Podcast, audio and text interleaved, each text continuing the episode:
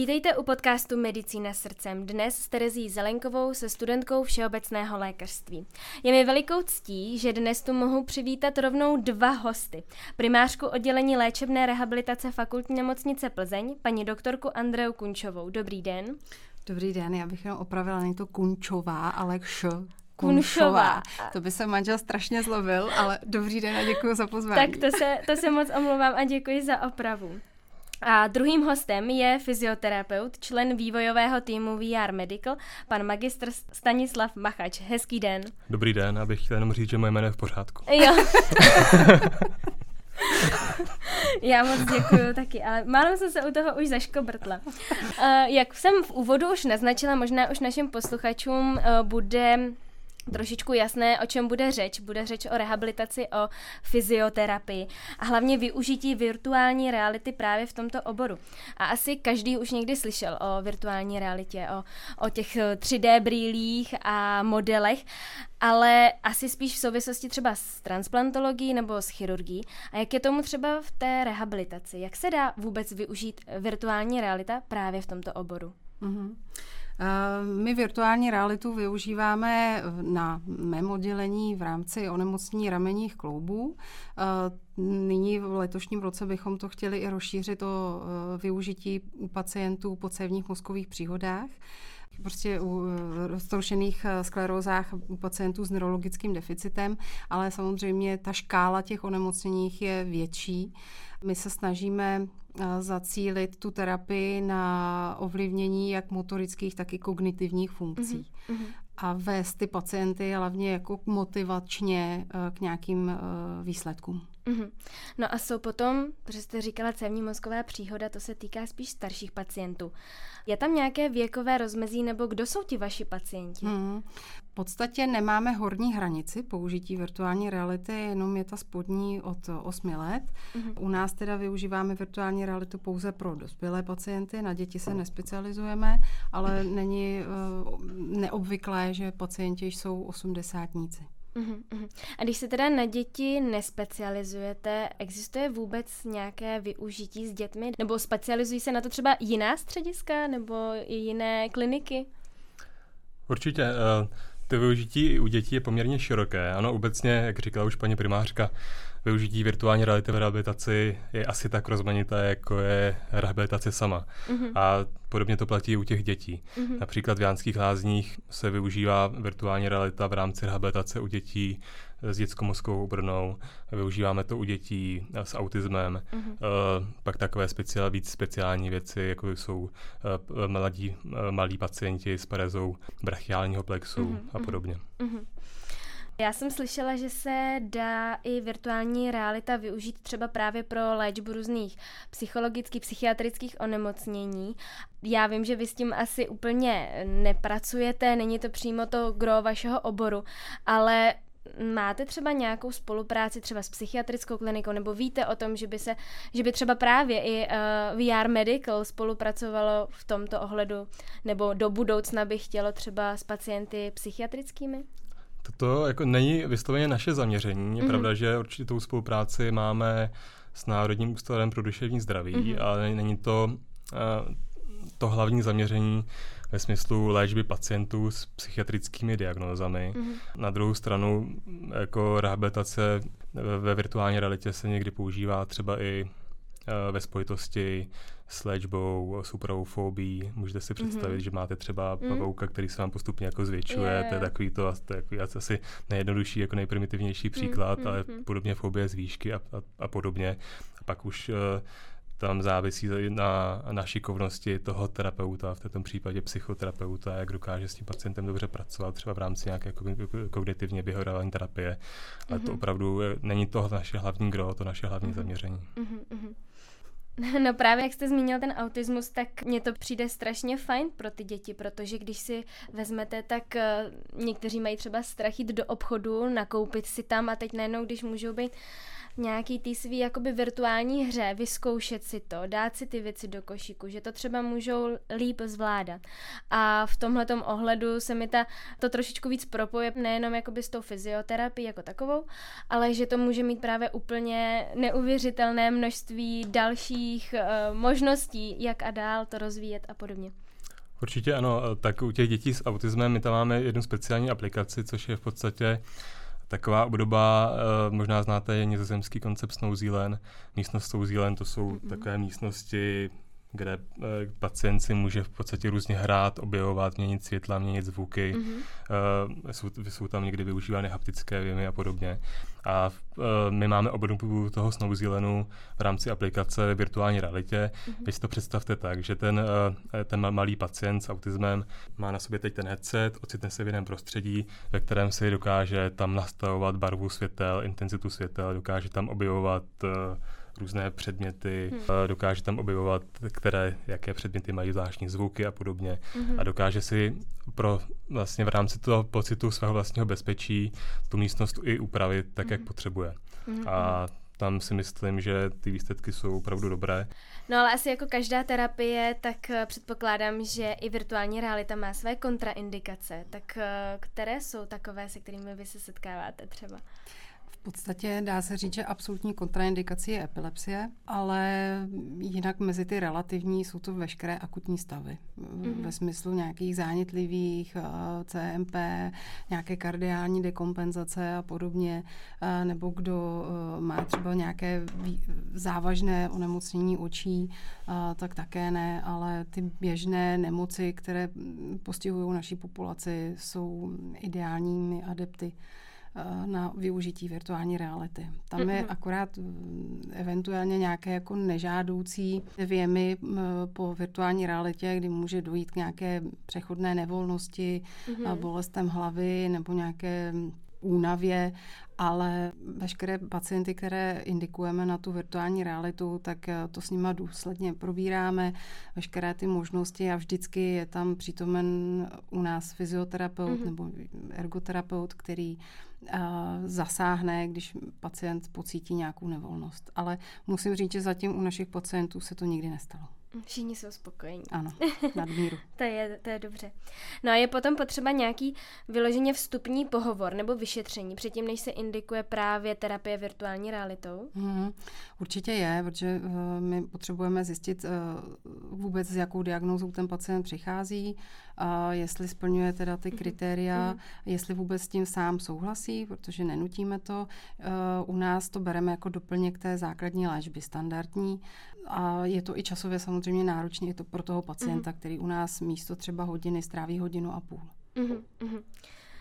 No a ještě k tomu by mě možná uh, napadalo, tam je velká paleta věcí a aktivit, které si mohou, mohou pacienti vyzkoušet, které třeba například mají nejraději, nebo co všechno nabízíte, jaké hmm. hry a podobně. Tam bych řekla, že to závisí na pohlaví pacientů. A muži, aspoň teda naši pacienti, mají nejradši lovení rybaření Vážně? ryb. Jo, Ale v realitě asi moc ne. A, no, já si myslím, že vzhledem třeba k nějakým uh, poruchám, ať už té mobility nebo nějakým onemocněním, uh, nedokážou se dostat opravdu na ten rybolov, takže jsou rádi za to vyzkoušení, s mm-hmm. čímž zase eh, ženská populace moc nesouhlasí mm-hmm. a tím se líbí jiné aktivity. Já osobně miluju tady uh, opory, s mm-hmm. balonkama. Ty se mi hodně líbí. Vlastně Standa je jedním z těch tvůrců, který s tím přišli a, a dotáhli to do super dokonalosti, takže uh, záleží to na věku, na to, co opravdu ty pacienti dělají mm-hmm. a na tom pohlaví. Mm-hmm. A když už jsme teda u toho rybolovu, tak to funguje teda tak, že mají nějaké senzory na rukou? A nebo jakým způsobem teda loví? Já myslela, že i jako trénují teda tu ruku. V podstatě uh, to naše technické řešení je umyslně tak, tak jednoduché, jak jenom může být. Takže znamená, že my se snažíme a nepoužíváme senzory. Mm-hmm. E, v rámci toho, které normálně jsou dostupné v rámci toho headsetu, ale zároveň ten headset, uh, rozumím, mě, to jsou ty brýle, které si pacient mm-hmm. jako na, na sebe nasadí. Mm-hmm. Mají mm, kolem sebe řadu vlastně kamerek, které snímají ruce a Aha. které dokážou vlastně ty ruce dokážou vymodelovat a dosadit do toho vlastního prostředí. Takže pacient ovládá to prostředí té mm-hmm. virtuální reality pomocí vlastních rukou, mm-hmm. velmi přirozeně, velmi spontánně, nemusí se to učit, mm-hmm. nepotřebuje k tomu žádné ovladače mít, mít rukou a díky tomu je to vlastně tak přirozené, pak je to jednoduché například pro seniory, starší a, a, a podobně. A když jste se ptal na to rybaření, tak tam v podstatě uh, nastaví ruku, buď uh, chytne tu udici, myslím, že tam byly dva, dva režimy, kdy vlastně hýbal z tu ruku a ta udici byla vlastně přifixovaná k té ruce, nebo ji stoveně jako chytne za, za ruku toho mm-hmm. prutu a, mm-hmm. a mhm. loví si. Mm-hmm. No já jsem si to právě představovala možná teda špatně jako takové ty hry, co jsou na televizi, jak máte, já nevím teďka, kdo to vyrábí, jestli nemůžu vzpomenout na ten název, ale jak mají vyloženě ovladače ty lidi a hrajou ten tenis a takhle, no. že jsem si to představovala Nintendo, trošku. Nintendo, asi, Nintendo, PlayStation Nintendo. a všechny tyhle ty uh, jsou, jsou možnosti. Samozřejmě ten headset dává možnost i těch ovladačů mm-hmm. ručních, ale mm-hmm. my je vůbec nevyužíváme, protože ty programy jsou nastavený právě na co nejjednodušší využití u těch pacientů. A také to, že když například u pacientů, řeknu po celní mozkové příhodě, chceme trénovat a v podstatě chceme vycvičit ty ADL, to znamená takové ty běžné denní činnosti, mm-hmm. Tak při těch běžných denních činnostech taky nemáme v rukou ovladače a chceme být vlastně co nejpřirozenější, mm-hmm. tak tam se to i nejvíc hodí. A zároveň eh, ten headset celou dobu, ten systém celou dobu i hodnotí například rozsahy těch prstů a podobně, takže tam by bylo i kontraproduktivní mít v ruce ovladače, jo. když bychom mm-hmm. chtěli hodnotit něco, co má být pak použitelné do toho běžného života. Mm-hmm. A ještě doplním, že mnohdy, když už mluvíme o cévních mozkových příhodách nebo i jiných neurologických diagnózách, tak vlastně on ten pohyb je minimální a třeba kolikrát ani nedokáží udržet ten předmět, anebo naopak udělat eh, pohyb eh, horní končetinou, ať už akrálně nebo, nebo v jiných eh, segmentech. Takže mm-hmm. i díky tomu vlastně, že nejsme nuceni využívat ty ovladače, tak můžeme tu terapii více cílit. To jste mi možná teďka odpověděla na otázku, jestli není lepší využívat normální předměty a dát jim ten prut do ruky, ať si to zkouší sami, že oni by ho možná třeba ani neudrželi. Byl to by... je jedna věc, že nějaký handicap zřejmě pacienti mají mm-hmm. a zase v tom našem nemocničním prostředí nelze vždycky rybařit, uh, rybařit nebo zajistit veškeré ty uh, mm. prostředí, ve kterých my vlastně v rámci té virtuální reality simulujeme ty činnosti. A těch prostředí je v podstatě mnoho. Těch mm-hmm. může být až třeba několik desítek v této mm. chvíli. Uh, může to být například kuchyně, pacient si tam bez toho rizika, že by mu spadly nějaké skleničky, tak se tam už snaží například rovnat skleničky do, do kredence a mm-hmm. zkouší si to tak, že sedí na tom nemocničním lehátku a v podstatě je to velmi motivační pro toho pacienta, mm-hmm. než když by byl mezi těmi čtyřmi stěnami. Hmm, určitě. No právě mě napadá, že vlastně dřív, než byla nějaká virtuální realita, tak se to možná dělalo tím stylem, že si vzali třeba pěnový míček a zkoušeli si jakoby na nějakým lehkém předmětu tenhle ten uh, grif, třeba tenhle ten pohyb, rovnání skleniček, tak místo toho rovnání třeba míčku do poličky.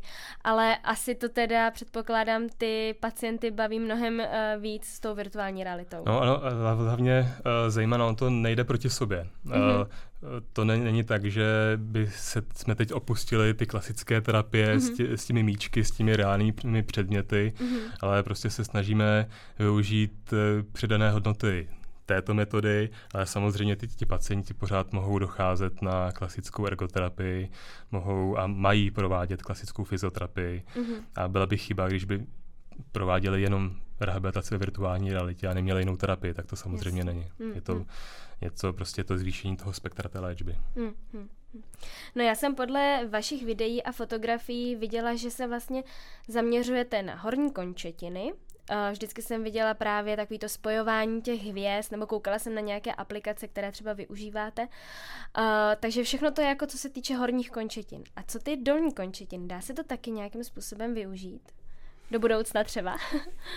Uvidíme do budoucna, technologie jdou hodně dopředu, nicméně v současnosti nemáme, um, já teda nejsem žádným technikem, ale nicméně na dolní končetiny to nevyužíváme v pravém slova smyslu na uh, cvičení hybnosti, mm-hmm. uh, protože tam prostě ty senzory nějakým způsobem uh, nejsou schopny jako zaznamenat ten pohyb. Mm.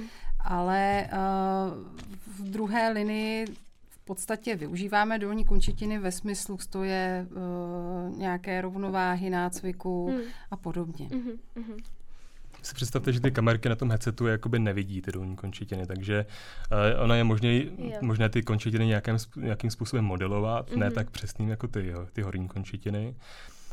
Je možné s nimi pracovat, ale to hlavní, hlavní zaměření v této chvíli na ty horní končetiny. Když bychom chtěli přesně vlastně mapovat pohyb, rychlost, rytmicitu dolních končetin, tak bychom potřebovali ještě přídatné senzory, hmm, hmm. což e, dělá tu tu terapii trošku celku, už jenom trošku technicky náročnějším, ale jsou, zkušenosti jsou takové, že jakmile nějaká metoda v té terapii mm. je už trošku náročnější technicky, mm. tak už uh, polovina terapeutů to, to radši nedělá. Mm-hmm, mm-hmm. No tak asi se cílí nejenom na ten rozsah toho pohybu, ale pak i na tu kvalitu, že jo? aby byl ten pohyb provedený kvalitně a možná třeba ani ty dolní končitiny by to třeba tolik nezaznamenalo, že možná třeba rozsah ano, ale ne úplně tu kvalitu toho pohybu. To tak je, no. A hmm. pořád si představte to, že u naprosté většiny těch terapií pořád je ten terapeut. Jo. Hmm. Dochází tam i takovému vlastně zajímavému fenoménu, který se netýká jenom dolních končetin, hmm. ale vy si představte, že máte třeba vertebrogenního pacienta, hmm. který teď eh, s pomocí virtuální reality se učí, jak správně dýchat, jak učíme na terapii, to brániční dýchání, mm-hmm. jak učíme napřímit páteř mm-hmm. uh, a podobně. A teď kolem něho chodí vlastně, uh, ten pacient stojí, kolem něho chodí ten terapeut a vlastně taktilně mu upravuje mu třeba trošku vytáhne krční mm-hmm. páteř, upraví mu pozici hrudníků, mm-hmm. dá mu nějaké taktilní stimuly na, eh, na postraní trup, kam má dýchat. A to je něco, čeho vlastně nedosáhnete při té eh, klasické terapii, to, že byste měla někoho neviditelného kolem sebe, kdyby mm-hmm. vás vlastně takhle korigoval. A výhoda v tom je, že zase to, do toho podvědomí přichází trošku jiným způsobem a trošku jiným způsobem si to ten, ten pacient zafixuje. Mm-hmm.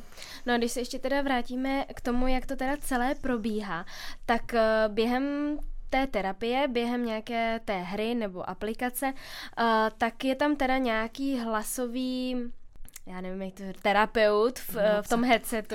Já? Průvodce. Průvodce, průvodce, který teda říká, jak by se to správně mělo dělat a zároveň je tam teda ještě opravdový reálný terapeut, který na to dohlíží.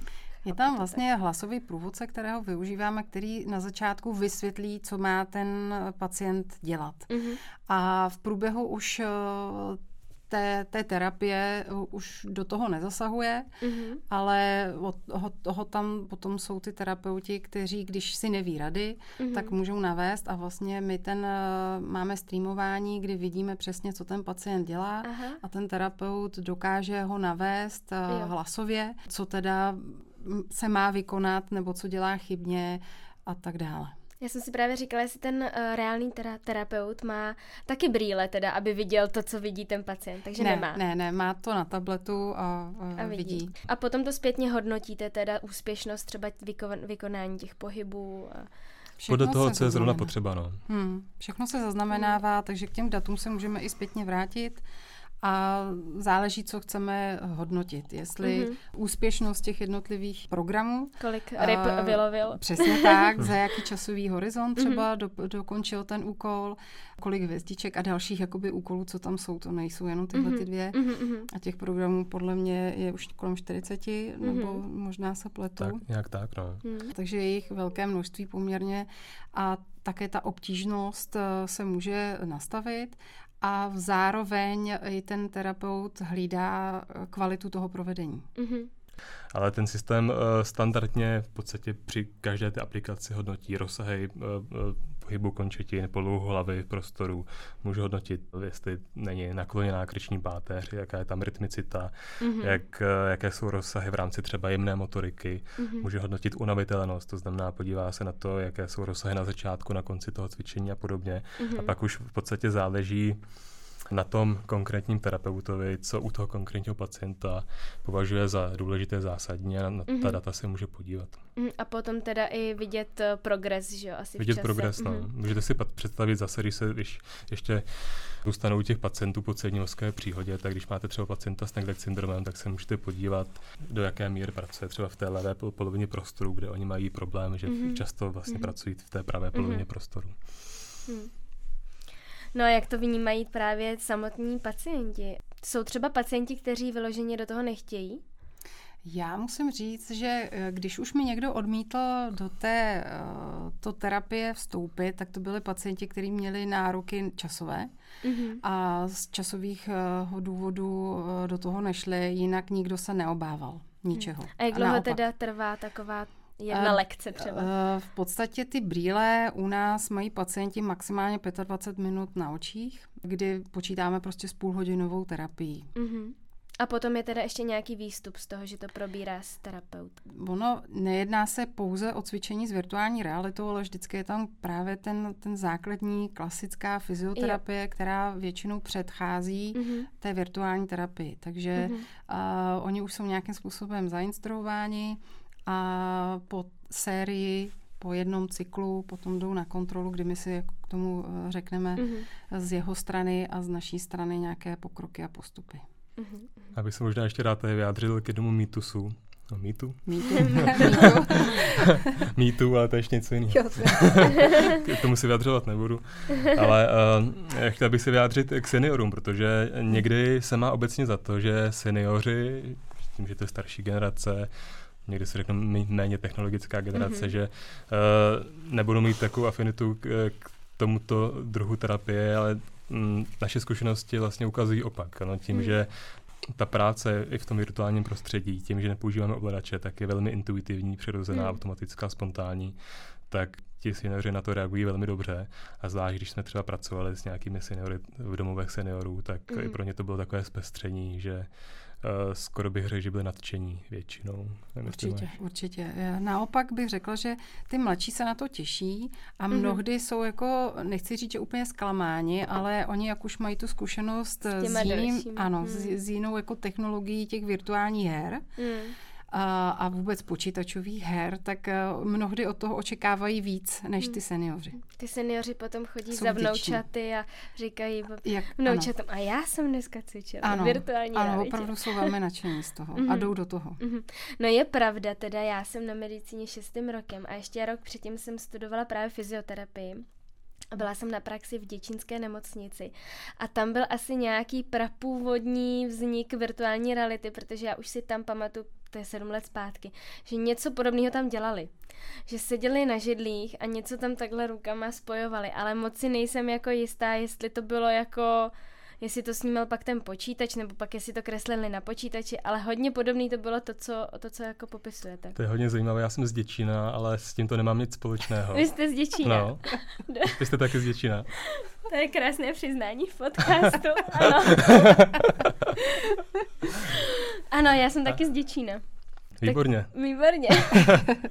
tak si pak povíme něco o Děčíně, ale to jste mě, docela jste mě s tímto překvapila, protože no, já tomu vůbec nevím, že tam něco takového probíhá. Ale... ale to bylo, ale asi to nebyla jako virtuální realita, ale velká snaha o to, aby pacienti právě seniori byli za, zapojeni taky do, tý, eh, do těch technologií mm-hmm. a trénování pohybu na počítačích a tak. Tak to je vidět, že Děčín je město netušených možností ano. už před, před sedmi lety a kde to všechno začalo vlastně, takže ne v Plzni. Ne, Nejste tady takový průkopníci. Tam na severu možná, tam jo. Ne, tak to je samozřejmě s nadsázkou myšlený, no tak to je hezký. No a dá se vůbec využít virtuální realita potom uh, ve skupinových terapiích? Hmm, Nebo je to určitě, jenom individuální? Určitě dáme, teda zatím nevyužíváme skupinové terapie, ale určitě je ten prostor na to. Uh, neřekla bych úplně nějak velké skupiny. Myslím si, že jsme se tak shodli, že ty čtyři pacienti by byly asi ideální, protože mm-hmm. uh, už jste tady mluvila o té kvalitě provedení těch mm-hmm. pohybů a z praxe eh, více jak čtyři, maximálně pět eh, klientů nemůžete obejít tak, aby mm-hmm. jste zajistila do určité míry tu kvalitu toho provedení mm-hmm. pohybu. Takže ano, je tady asi možná budoucnost nějakých skupinových cvičení, ale je to zase v závislosti i na prostorech mm-hmm. a na té korekci tím terapeutem. A to je potom teda nějaká i skupinová hra nebo aplikace, ve které jsou zapojeni všichni a všichni vidí teda jeden obraz. Teď to tak není, že by spolu interagovali. Mm. Ne. Jo, uh, Technicky to je samozřejmě možné, mm-hmm. ale teď to tak nastaveno není. Teď vlastně si cvičí každý sám za sebe a ten mm-hmm. terapeut mm-hmm. je tam k dispozici, aby mm-hmm. jakoby korigoval a mm-hmm. pak je to, může to být i časově efektivnější. No. Mm-hmm. Jo, sice jako do určité míry je to tak, takzvaná ta gami, uh, gamifikace. Fikace, ano, děkuju. Aha, to nevím ale vůbec, co znamená. Jako Udělat z toho hru, hru. v podstatě. Jo, tak, jo, jo, jo, jo. zjednodušit mm-hmm. to do té hry, ale je tady zacíleno na tu individualitu toho. Mm-hmm cvičení nebo té terapie, takže uvidíme časem. No a da, můžou si třeba pacienti půjčit od vás ty brýle domů a doma si to trénovat? V tuto chvíli to tak není. V tuto chvíli vlastně s, těmi, s tím řešením pracují hlavně jako větší instituce, mm-hmm. firmy, větší zdravotnické zařízení, ale postupně moje přesvědčení takové, že to bude směřovat k tomu, k, těm, k tomu individuálnímu použití doma. Mm-hmm. Kolik to vůbec časem. stojí? Takový, takový jedno tak zařízení. Headset, headset není tak drahý, to je pár desítek, nebo ještě méně headset v podstatě ne, stojí, to je podobně jako mobilní telefon, 12 tisíc nebo... třeba. Na Alze. No. jo, uh, to pořízení headsetu není až taková, takové dramatické, mm-hmm. ale to know-how uh, samozřejmě nevím, nakolik si cení. Já taky nedokážu říct kon- eh, konkrétní částku, to je v podstatě pak na vědání, jako o konkrétních podmínkách, nevím, s fakultní nemocnicí mm-hmm. nebo podobně, to není tak, že by tam byl vystaveně ceník v, v tuto chvíli. Hmm. No spíš právě jako jestli to je teda nějaká jako aplikace, kterou, jako to je třeba uh, na cyklistických trenažérech dneska velmi oblíbená věc. Koupí se domů lidi trenažér, ale pak si musí koupit tu aplikaci, kterou si už pustí, no, já nevím, na tom tabletu, počítači. Hmm. Tak, tak možná to, k tomu můžeme trošku vzdáleně přirovnat, mm-hmm. tím, že se kupuje licence na určitý mm-hmm. čas. Jo, jo, jo. Mm-hmm. No a vůbec, když jsme probírali už, jak to vnímají pacienti, tak jak to vnímají ti terapeuti? Uh, nenadávají třeba, že jim tady virtuální realita bere jejich práci? Tak možná, že někteří terapeuti zpočátku byli skeptič, více mm. skeptičtí, ale na druhou stranu uh, asi nenajdete, nebo já neznám terapeuta, který by si stěžoval na to, že má málo práce. Ta, to, to řešení má, nemá nahradit terapeuty, má to mhm. být doplněk, má to být podpora té terapie, která už běží a má to i přinést nějakou třeba větší efektivitu třeba do těch nemocnic, s tím, že ten pacient, když zůstane u toho modelu pacienta po celé mozkové příhodě, mm-hmm. má třeba předanou terapii navíc, nebo v rámci toho, když tam je skupinka, která si cvičí, tak tam ti pacienti v té, v té skupině mají nějakou terapii navíc, kterou by třeba neměli. Mm-hmm. Jako, setkal jsem se s terapeuty, který, kteří jsou více konzervativní, kteří byli více skeptičtí ze začátku, ale v podstatě ve všech těch případech ta skepse se nějak rozpustila časem. Andrejo, jestli máš. Jo, je, úplně, úplně přesně, jak to říkáš. Ono je potom docela zajímavý uh, vidět a hlavně slyšet o těch pacientů při tom využití virtuální reality, kam oni se posunou, jak v pohybu, mm-hmm. tak opravdu je ten práh bolesti taky jinak posa- posazený. Oni, když nevidí opravdu tu svoji končetinu, když to teďka stáhnu mm-hmm. na tu mhm. horní končetinu, a vidí to jenom uh, v rámci toho virtuálního mm-hmm. světa, tak oni se dostanou, dobře, ta kvalita provedení není úplně třeba tak dobrá, ale dostanou se rozhodně dál, i co se týká hranice té bolesti i mm-hmm. rozsahu pohybu. Mm-hmm. A myslím si, že to mnohé právě ty skeptičtější kolegy uh, dostalo do té části, že vlastně k tomu si otevřeli tu cestu. Hm, to je zajímavé. No a jak je na tom potom virtuální realita v budoucnu? Jak vidíte, kam až může sahat právě v rámci fyzioterapie? No, osobně tam tuším víc cest. Jedna z cest asi bude taková, že virtuální realita, respektive rehabilitace s využitím virtuální reality bude víc využívat ještě biofeedbacku, že si můžete mu představit třeba EEG, EMG, mm-hmm. různé druhy biofeedbacku. Myslím si, že tam bude i širší využití technologie, která dneska už eh, v podstatě je dostupná a to je technologie, která v tom headsetu využívá eye tracking, to znamená, že ta, ten headset přesně ví vlastně kam se díváme, jaké jsou pohyby očí, což mm-hmm pak teoreticky se dá využít v nějakém hodnocení diagnostice pacientů, mm. třeba i například vestibulární pacienti mm. a dívat se na to, v jaké pozici u nich vznikne jak nystagmus, jakým směrem například mm. a je to je takový feedback pro tu terapii. Mm. A celkově to hodnocení a ta diagnostika těch pacientů eh, s tím headsetem může být zajímavá. My třeba teď máme už rozjetý několik měsíců projekt, kde máme téměř stovku pacientů změřených v domovech seniorů a snažíme se vyhodnocovat jejich uh, balanční schopnosti, stabilitu chůze, mm-hmm. stabilitu stoje mm-hmm. a vyhodnocovat uh, riziko budoucího pádu. Já zase za sebe vidím mimo toho, tohle, tohle ten směr i právě tu domácí péči. Mm-hmm. Um, já jsem i k tomu ze začátku tak jako už přistupovala, že by se mi to líbilo mm, protnout tu ambulantní nebo hospitalizační sféru s tou domácí péčí, protože Já nevím, jak kolega eh, vnímá pacienty nebo svou škálu pacientů, ale mnohdy pacienti jsou leniví, když to řeknu otevřeně, mm-hmm. spíše chodí na tu terapii jako pasivní článek a chybí tam ta aktivní složka. A doma už vůbec A necvičí. doma už necvičí, ačkoliv nám mm. to samozřejmě jako odkejvají, mm-hmm. že mhm, ano, mm-hmm. my to samozřejmě mnohdy rozklíčujeme, mm-hmm. ale tohle to je do určité míry tak velká motivace a zároveň i kontrola naše, že opravdu to prováděli, mm-hmm. ať už je to cvičení jakékoliv, mm-hmm. tak tohle to se mi líbí i na takovéto domácí, domácí využití. Je pravda, že jsme možná vlastně nezdůraznili ty největší přidané Benefity. hodnoty, mm, jako té, té virtuální reality. Jo. To je právě ta motivace, mm. kdy ten pacient to bere jako, jako něco, co ho prostě baví. A Zároveň je tam taky velmi zajímavý fenomén, který už je zmapovaný ve více studiích a to je vlastně relativní běh času, kdy ten pacient subjektivně ten čas v té virtuální realitě vnímá tak, že je mnohem kratší, než mm-hmm. ve skutečnosti je, takže to mm-hmm. cvičení potom je vlastně delší, než se zdá tomu pacientovi. A to je takový vlastně nepřímý důkaz toho, že je to v podstatě baví. Jako když prostě jste na kafi s člověkem, který vám je příjemný, tak ten čas taky plyne mm. prostě rychleji. No. Mm.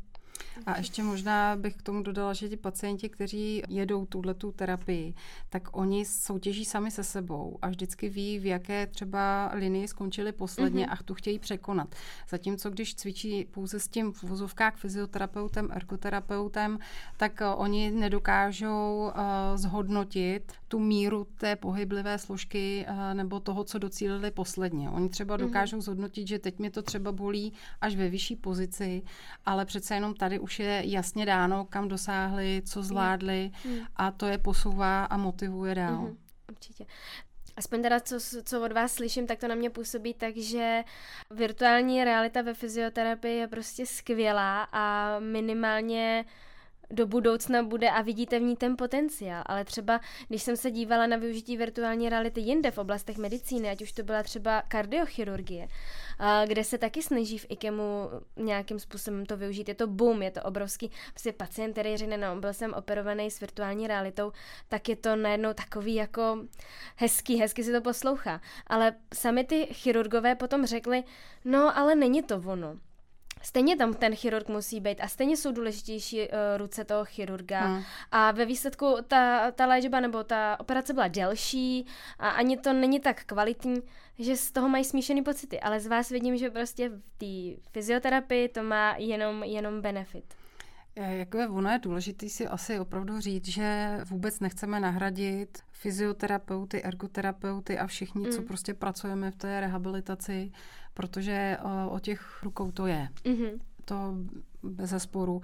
Ber, bereme to opravdu jako doplník té terapie. Mm-hmm. Nenahrazuje nás to. Mm. A tak jsme si to asi bych řekla nastavili všichni a proto, proto vidíme ty benefity. Mm-hmm. A jak je na tom vůbec eh, VR Medical ve světové konkurenci? Abych řekl, že jako celkem obstojně. No. E, když ještě zůstanu u jako české konkurence, tak v podstatě to řešení VR Medical je jediný certifikovaný prostředek využívající virtuální realitu certifik- certifikovaný ve smyslu toho, že to je zdravotnický prostředek. Mm-hmm. Co se týká světa, tak my průběžně si děláme určité jako rešerše, díváme se na to, jak, jak jsme na tom v konkurenci, konkurencí ve světě, jak jsou na tom ostatní startupy a řekl bych, že velmi, velmi obstojně a, a asi trošku jako neskromně můžu říct, že se tady povedlo v Plzni, obecně v České republice, se VR Medical povedlo dát dohromady výborné inženýry a i schopné lidi z té klinické praxe a, a ten tým jako takový, tak jak je postavený, tak jako velmi silný. A to si mm. myslím, že je poměrně unikátní i ve světě a souvisí to i s tím, že u nás uh, jsou výborní inženýři v České republice a i, i, ti, i ti terapeuti a uh, i ta fyzioterapie prostě tady má tradici uh, možná jako málo kde. Mm. A už spolupracujete třeba i se zahraničními firmami nějakými nebo klinikami? Uh, jsou tam rozité spolupráce, je tam rozitá spolupráce v Líbeku na onkologii, připravuje se dokonce spolupráce, se to můžu říct, uh, se sítí oxfordských nemocnic a je toho trochu víc a to uvidíme, jak to všechno poběží. To je krásný, tak budu moc držet palce.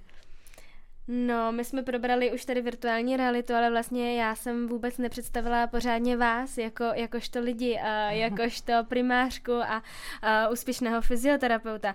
Takže možná, jestli byste o sobě něco, něco víc řekli, jak jste se třeba dostali k tomu, co právě děláte. Já dám slovo ženě, žena první. No, můj příběh eh, není tak přímočarý. Já jsem včera s chodou okolností večer jsem si teda bohužel poprvé pustila vaše podcasty, abych věděla, eh, jak vůbec, eh, jak jsou vedeny, ale mm-hmm. A když tam kolegové, na které jsem si pouštěla, říkali, jak už snad od plenek věděli, že budou, mm-hmm. budou lékaři, tak uh, takový příběh já teda nemám. Já jsem v podstatě do poslední chvíle vůbec nevěděla, že bych chtěla na medicínu. Mm-hmm. Já jsem tu škálu měla opravdu velkou a v podstatě jsem vyzkoušela všechny vysoké školy, které snad uh, se otevíraly v mém roce. A uh, zkrátím to nakonec, teda uh, jsem se rozhodla pro lékařskou fakultu tady v Plzni a i celou fakultu vlastně jsem vyšla, mimochodem krásné studium, na to já velmi ráda vzpomínám. A vyšla jsem a nevěděla jsem vůbec, co chci dělat. Opravdu mi to celé studium nedalo nějaké zaměření, nebo aspoň já jsem si ho teda mm-hmm. nenašla. Mm-hmm. A v podstatě jsem vycházela z vysoké školy s pouze s tím, že nechci dělat internu. A protože jsem si myslela v té době, že jsem manuálně zručná, tak jsem eh, si říkala, že bych chtěla dělat něco, kde se dělá nějaká menší chirurgie, eventuálně, kde opravdu trošičku ty ruce použijou. Tak jsem se šla ptát na různé obory, ale někde v mém teda promočním ročníku nebylo místo jedině na té interně, takže jsem šla uh, původně tedy na internu, ale než uh, jsem tam měla nastoupit, tak se náhodou objevilo volné místo na rehabilitaci v bývalé vojenské nemocnici. Mm-hmm. A ačkoliv jsem o rehabilitaci vůbec nic nevěděla jako medic, tak jsem si řekla, že je mi to určitě, jako dříve jsem více sportovala, uh, bližší téma než ta interna. Interna. Eh, tím nechci nějak ponížit internu, ale prostě můj obor to není. Takže jsem šla na tu rehabilitaci, tam jsem se chvilku hledala ale pak jsem se našla, už jsem zůstala, našla jsem si tam opravdu ty hezké věci na té rehabilitaci a už jsem, už jsem nekonvertovala k jinému oboru. Můžu se ještě teda zeptat pro naše posluchače, kteří by třeba chtěli eh, jít cestou rehabilitačního lékaře, tak jaká je teda ta cesta? Nastoupí se rovnou na kliniku rehabilitace nebo oddělení rehabilitace, mm-hmm. nebo právě třeba si musí udělat kmenovou zkoušku v jiném oboru? Hmm, ono dříve to byla vlastně nadstavba, kdy jste mm-hmm. musela mít atestaci z jiného oboru, ale mm-hmm. teď už x let to funguje jako samostatný obor a máme kmeny. Interní, chirurgický, mm-hmm. uh, ortopedický, mm-hmm. dětský. A v podstatě, protože sice to vypadá, že rehabilitáků je hodně, ale není jich zase tolik, ale míst je málo, bych řekla. Takže mm-hmm. pokud někteří z kolegů o tom eh, zvažují, eh, dát se na tuhletu linii rehabilitačního lékaře, tak doporučuji, pokud nebude hned někde místo na rehabilitaci přímo, tak eh, nezoufat, jít po nějakém tom kmeni, dodělat si kmen a pak přejít. Mm-hmm. Jde to. A pak teda atestace je už rovnou Čistě z rehabilitace. z rehabilitace, ano. A fyzikální mm. medicíny. Mm-hmm. Skvělý. No a jak je to u vás? Ty, ty. Moje cesta. Předávám štafetu. to je mnohem zajímavější. cesta z Děčína. Jak jste tak se já... dostal z Děčína do Prahy? No, já na děčínském gymnázium. tak to jsme chodili na stejné gymnázium. Jo? jo, tak to si musíme pohovořit ještě. No, no já jsem, jsem taky nevěděl, tak to mám no, podobný tady jako s Androu, respektive s paní primářkou Kunšovou. Uh-huh. Uh, uh, mám podobný to, že jsem v podstatě nevěděl dlouho, co co chci studovat ještě jako na Gimplu a uh, převažovala tam většinou architektura, no, akorát, že uh, jsem na ČVUT musel odevzdat nějaký návrh kuchyně na, na podzim, to jsem neudělal. A pak e, čas plynul, no a v pondělí jsme měli dávat přihlášky někam. V pátek jsem ještě nevěděl. Obor astronaut jsem sem nenašel nikde. Tak, no. Počkej, mě si ale říkali jinou verzi. No, tam ještě, Tohle je společensky přijatelné. Tam je, tam je ještě verze tím. Zjistil jsem, že v Mariánských lázních má pobočku první lékařská fakulta, do Prahy jsem nechtěl, to mi přišlo jako moc, v té době jako příliš velká divočina. Pak jsem tam stejně jako přijel později, ale Zjistil jsem, že tam je pobočka první lékařské v Mariánských lázní, obor fyzioterapie. V Mariánských lázních jsem měl ještě nějaké osobní zájmy, tak uh, jsem tam začal studovat uh, a ten obor mi zůstal. No. Pak jsem šla na druhou lékařskou pokračovat a potkal jsem výborné lidi a v podstatě jsem už byl přesvědčený o tom, že když jsem si ten obor vybral, že ho chci zůstat a dělat to tak nějak dobře. No. A nyní máte Takže, teda soukromou nějakou kliniku? Já mám soukromou ambulanci, zároveň uh, vyučuju na druhé lékařské fakultě, to znamená v Motole. Mm-hmm. Takovým mým hlavním dominantním zaměřením je sonografie hybného systému a to je to, co teď dělám. No. Mm-hmm. Tak jo, já mám na vás ještě takovou jednu poslední otázku na závěr, také uh, cíleně pro naše posluchače. Jestli byste jim chtěli něco vzkázat s ohledem na tu rehabilitaci, fyzioterapii nebo cokoliv, co vás napadá, co se toho týká. Tak já bych asi, co, by, co bychom vzkázali, tak ať v podstatě, když už to budou dělat už, ať už jako rehabilitační lékaři nebo jako fyzioterapeuti, mm-hmm. tak si myslím, že je důležité, aby ten pacient prostě byl na tom prvním místě v rámci toho oboru bych chtěl poradit, ať už i si z toho sofistikovaného nového řešení berou to nejlepší, ať si berou to nejlepší z těch klasických tradičních přístupů a udělají si z toho nějaký mix, který považují za nejpříhodnější pro toho pacienta. Mm-hmm. Já bych eh, možná jenom podotkla, že určitě to není vhodné pro eh, studenty, kteří nemají rádi přímý kontakt s pacientem, protože u nás je to hodně kontaktní mm. zaměstnání, jako pro fyzioterapeuty, tak i pro nás, pro lékaře. Takže to určitě jako kdo chce, chce održovat takový ten odstup, tak to nebude úplně pro něj. Zobrazovací metody potom. A zobrazovací metody, nádech, A A ne, tak jako určitě dá se vybrat nějaká, uh, nějaké odvětví lékařství, ale to jenom bych chtěla podotknout, že je to o tom dotyku hlavně. Mm-hmm. A co, co říct studentům, no, jako i v té rehabilitaci, ačkoliv se to může zdát pro mnohé jako nudné, mm-hmm. že se pouze jedná o nějaké bolesti, tak i v té rehabilitaci se dají najít jako podskupiny pacientů a určitá škála věcí, kterým se můžou věnovat pánevní dno. A třeba teďka hodně se věnujeme pacientům neurologickým v rámci spastických poraden. Mm-hmm. Třeba i už tady byly nakousnuty problematiky poruch rovnováhy. Mm. A to jsou všechno jakoby věci, kterým se dá věnovat cíleně, nebo i dětská rehabilitace. Jo, je jo, hodně upozaděná, mm-hmm. ale uh, těch dětských rehabilitačních lékařů a vůbec fyzioterapeutů je na můj vkus velmi málo. Hmm. On je trošičku problém s tím, že uh, rehabilitace se na medicíně nevyučuje, nebo to není žádný předmět ani Taká popelka to, trošku, no. no taká jako popelka. Není to úplně pravda. V Praze teda tam už leta... Jo, ta... tak já tam máme u nás, na fakultě, no. mají tam jako blok třeba dvoutýdenní, ale opravdu, a možná, že některými studenty, že ten předmět je výjímán, jako taková popelka. No. A tak my Ale... máme taky bloky, že jo, oční týden, oral týden, tak kdyby byl týden rehabilitace, možná by to už moc... jsme Už jsme se o už... to postarali. Už já musím postarali. říct, že tohle to teda za mě, já když jsem vstupovala na uh, primariát, tak to byla jedna z mých, nechci říct, že podmínek, ale ale cílů uh, trošku začít spolupracovat s lékařskou fakultou. A skontaktovala jsem tedy pana docenta Kružického s tím, že ještě s paní docentkou Švíglerovou mm-hmm. jsme si jednou sedli krásného dne a vznikl, ne na základě ten našeho jenom, ale vznikl nový předmět ochrana prevence zdraví, kde už máme pro čtvrté ručníky mm-hmm. alespoň částečně nějaké přednášky a jedny praktika. Protože co si budeme povídat, v podstatě všechny klinické obory, když už neví, co s tím pacientem a nezabírají mhm. Medicamentozní nebo mm-hmm. operační uh, postupy, také na tu rehabilitaci pošlou. A ať už je to reflux, ať už je to nějaké gynekologické uh, potíže, nebo záda, nebo, nebo kloubní potíže, tak mm. uh, skončí na rehabilitaci. Já si myslím, že to vůbec jako nemusí být nudný obor a naopak, když se to dělá dobře, tak podle mě to může být jeden z, jako z nejvíc atraktivních oborů, jo, protože hmm. je to obor, který jde trošku proti trendu jako atomizace medicíny. Hmm kdy uh, ono to v podstatě jako do určité míry nejde jinak, no, jako mm, být na tom svém písečku, teď tady máme nervový systém, teď tady máme rýchací systém a podobně, mm-hmm.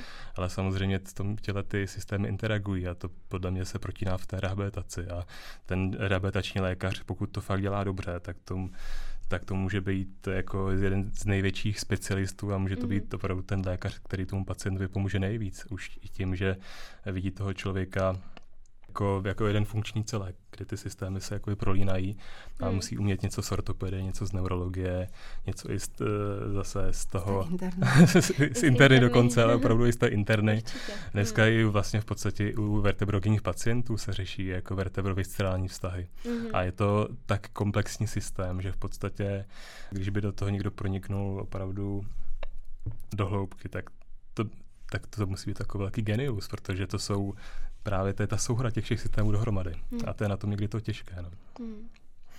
Krásný. No já jsem moc ráda, že jste to ukončili takhle krásně pozitivně a motivačně pro naše posluchače. Já vám moc děkuji za rozhovor.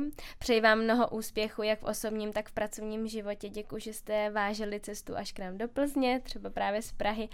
Mějte se moc hezky a nashledanou. Děkujeme, děkujeme za pozvání.